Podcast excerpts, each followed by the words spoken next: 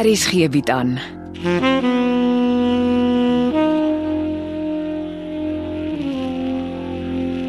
Afsluiting deur Jo Kleinhans.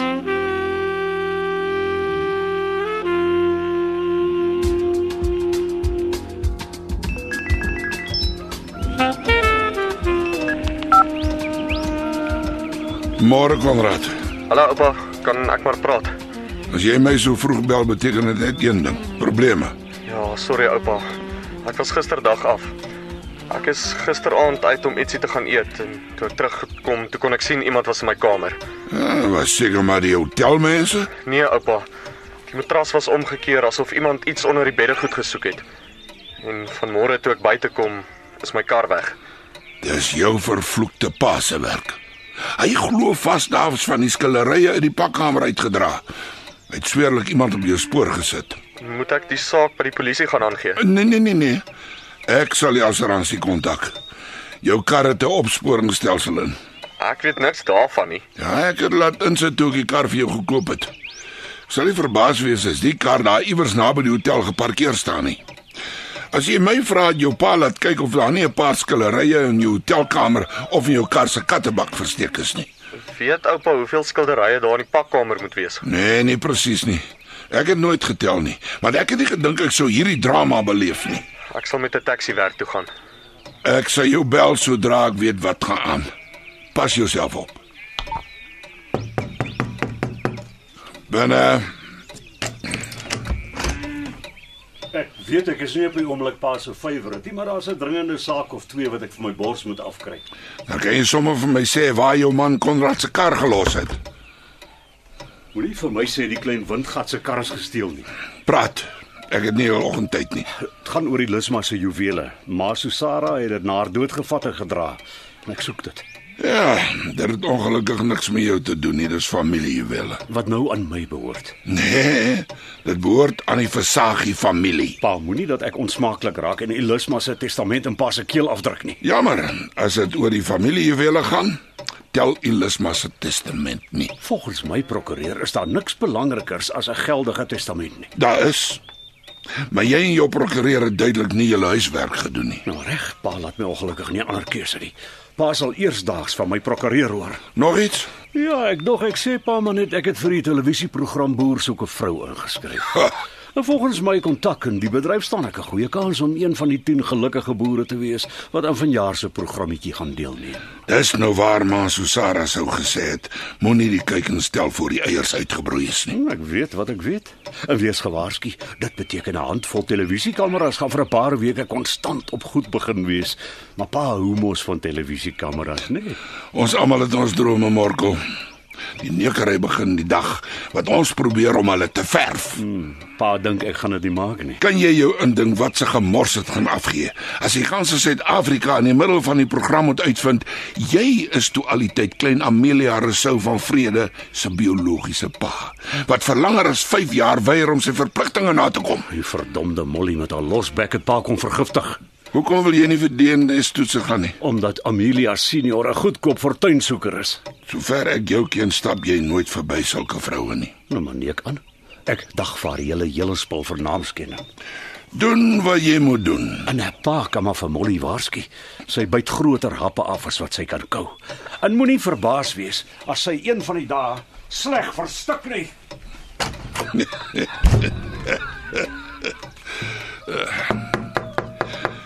Binne. Is dit oukei okay as ek nou my beurt kry, tatte? Dit gaan erger vanmôre as by 'n dokter se spreekkamer. Wat is dit, Martha? Ek moet kom bieg oor Erik, tatte. Ek weet dis hy wat jou aangerand het. En ek weet hy sluip hier op my plaas rond. Ek het 'n paar manne gevra om op die uitkyk te wees vir hom. Hy hoort in die tronk. Weet tatte hy werk vir meneer Morkel? Nee. Wie sê so? Erik loop en spog dat niemand hom in die hande sal kry nie, want hy werk vir meneer Morkel en meneer Morkel steek hom mooi weg. Ja, dis goed dat jy my sê. Ek wil dadelik as Erik weer sy gesig hier wys, wil ek dit weet. Nie eendag daarna nie dadelik. Hier is 'n man of twee wie se sterte ek vinnig sou moet knop.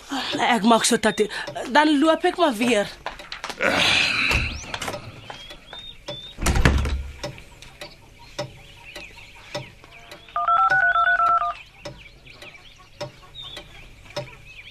PJ, hoe gaan dit? Sê versag hier. Ah. Ek het weer hulp nodig. Ek kom later deur Rustenburg toe dan maak ek 'n draai daar by jou. Uh, reg so. Dankie PJ.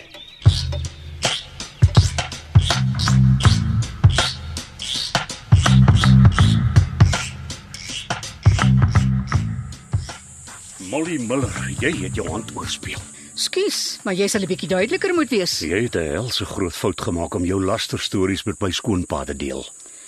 Ek dink weer is beter om hom vir die hoeveelste skok in sy lewe voor te berei. OK, kom ons praat 'n bietjie oor die resous met wie jy so oorhoops is. Hm, ek tog jy wil niks van hulle weet nie. Die ou baas, Amelia senior se pa. Oh, wat is sy naam nou weer? Henk Crusoe. Jy behoort hom goed te onthou. Dis die man wat jou bas in 2011 uit die tronk gehou het. Ja, hy sukkel mos met sy rug nie waar nie. Asof jy belangstel. Ja, en hy's toe in vir 'n groot rugoperasie. En tot almal se skok en hartseer, laat weet die dokter, jammer, maar dis die eerste en die laaste keer. As die ou baas dit ooit weer naby 'n teater waag, is die kanse goed dat hy verlam daaruit sal kom. En dis hoekom hy nooit weer kon gaan vir 'n rugoperasie nie. Bid maar dat dit jou nie eendag oorkom nie. Ja, en intussen vrek die oom van die pyn en dit terwyl hy moet help om die klein aanhangsel groot te maak.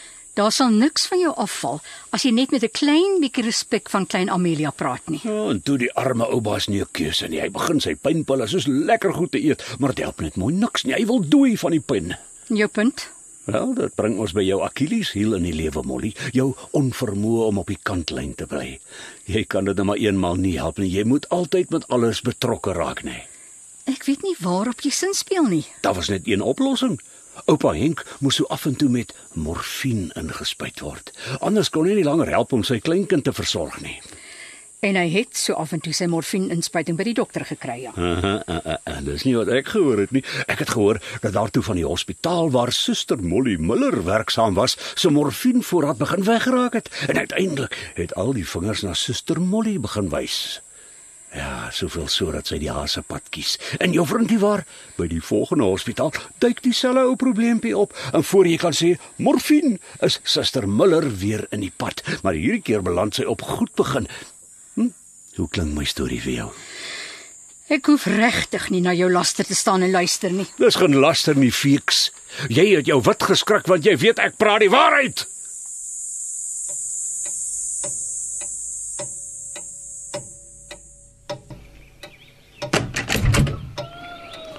Ag nee, my magtig nie, jy ook nie. Ek kom nie vanoggend weg nie. Wat jy ook al te sê het, sal moet wag juffrou Miller. Dit kan nie. Het jy 'n privaat speurder op my spoor gesit? Jy weet ek het. Waar is sy verslag? Dit het niks met jou te doen nie. Kyk of die verslag is wat jy dink dit is. Juffrou, ek is haastig. Ek dink Morkel het jou verslag onder oog gehad. Dit is onmoontlik. Wel, ek het sopas na aantuigings geluister wat vir my al te veel klink soos die verdigsels van 'n Paluka PI. Hoekom? Sny die verdigsels te na aan die waarheid. Ek weet waar die stories oor my vandaan kom. Die verslag is in my brandkluis toegesluit. Kyk asseblief of dit nog daarin is. Niemand kan in my brandkluis inkom nie. Maar kyk asseblief. Sal jy omgee om buite te wag? Natuurlik nie.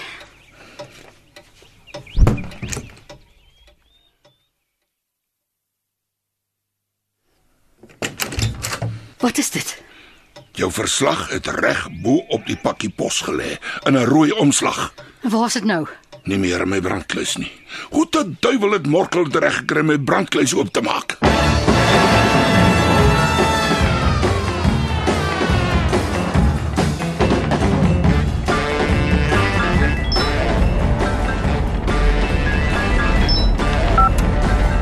Ja, Hallo oupa. Oupa mag op oupa se selfoon praat as oupa bestuur nie. praat vinnig. Ek wil net dankie sê. Die mense het my kar nou net vir my werk toe gebring. Hulle het dit minder as 'n kilometer van die hotel af gekry. Jy gekyk of alles reg is. Ja, dankie. Konrad, weet jy iets van nog skillerye wat uit die badkamer weg is? Nee, oupa. Ek is eintlik spyt jy het nie meer skillerye uitgedra nie. Ek groet voor die speedkops vir oupa aftrek. En nogmaals dankie vir die trekker in my kar. Dit het baie gehelp. Baie oupa.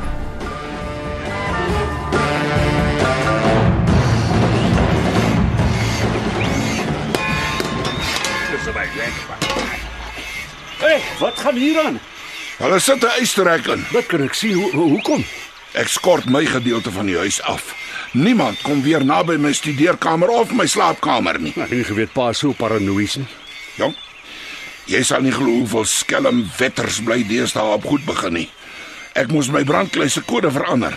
Jy wonder seker hoekom. Nee, na ma Susara se dood wonder ek nie meer oor pa nie. Ek weet lankal pa is die klitskoot. Die deskundige wat ek ingekry het, wys my vanmiddag een van die versteekte kameras in my studeerkamer was presies so gestel om mooi te kan sien hoe draai ek my brandkluiskode in. Hm, pa kyk vernuut in my rigting.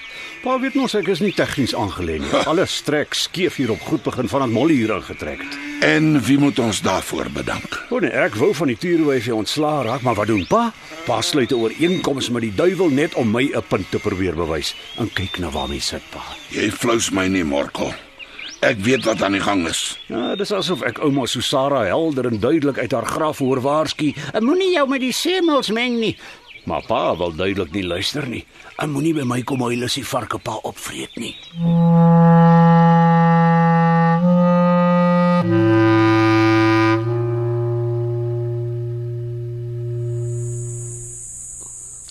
fout, Miss Molly? Vertel my van Miss Elisma Martha. Hoekom het sy selfmoord gepleeg?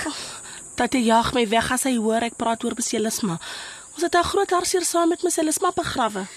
Sy was so 'n talentvolle vrou, Dinge het gehaak tussen haar en meneer Morkel. maar selfmoord. Miss Elisma was pregnant en toe dit amper haar tyd was, is sy weg. Ek weet nie waarheen nie.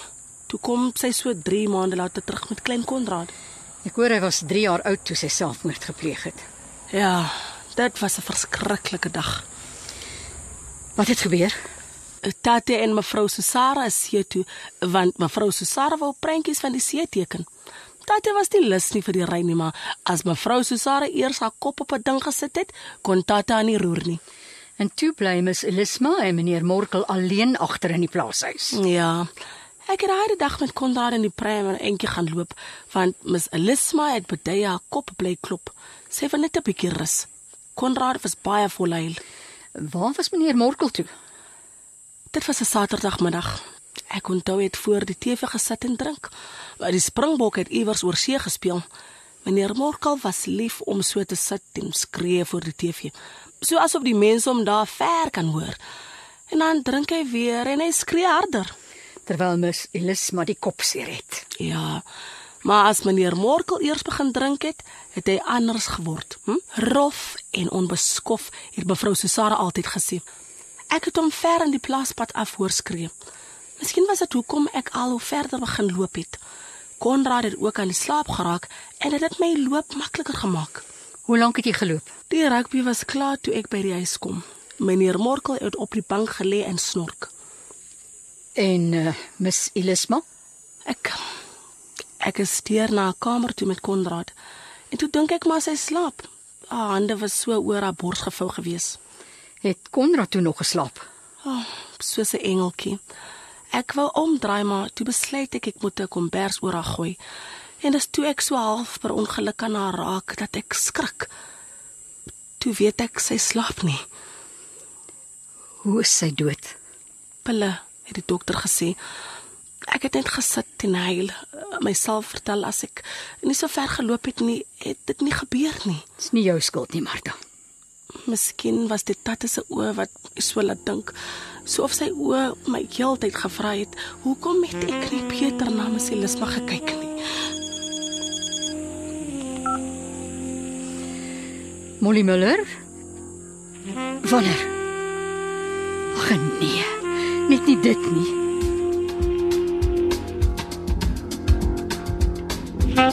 Afsluiting is geskryf deur Jo Kleinhans. Evit Snyman Junior en Bongwe Thomas beheer die tegniese versorging en die storie word in Johannesburg opgevoer onder regie van Renske Jacobs.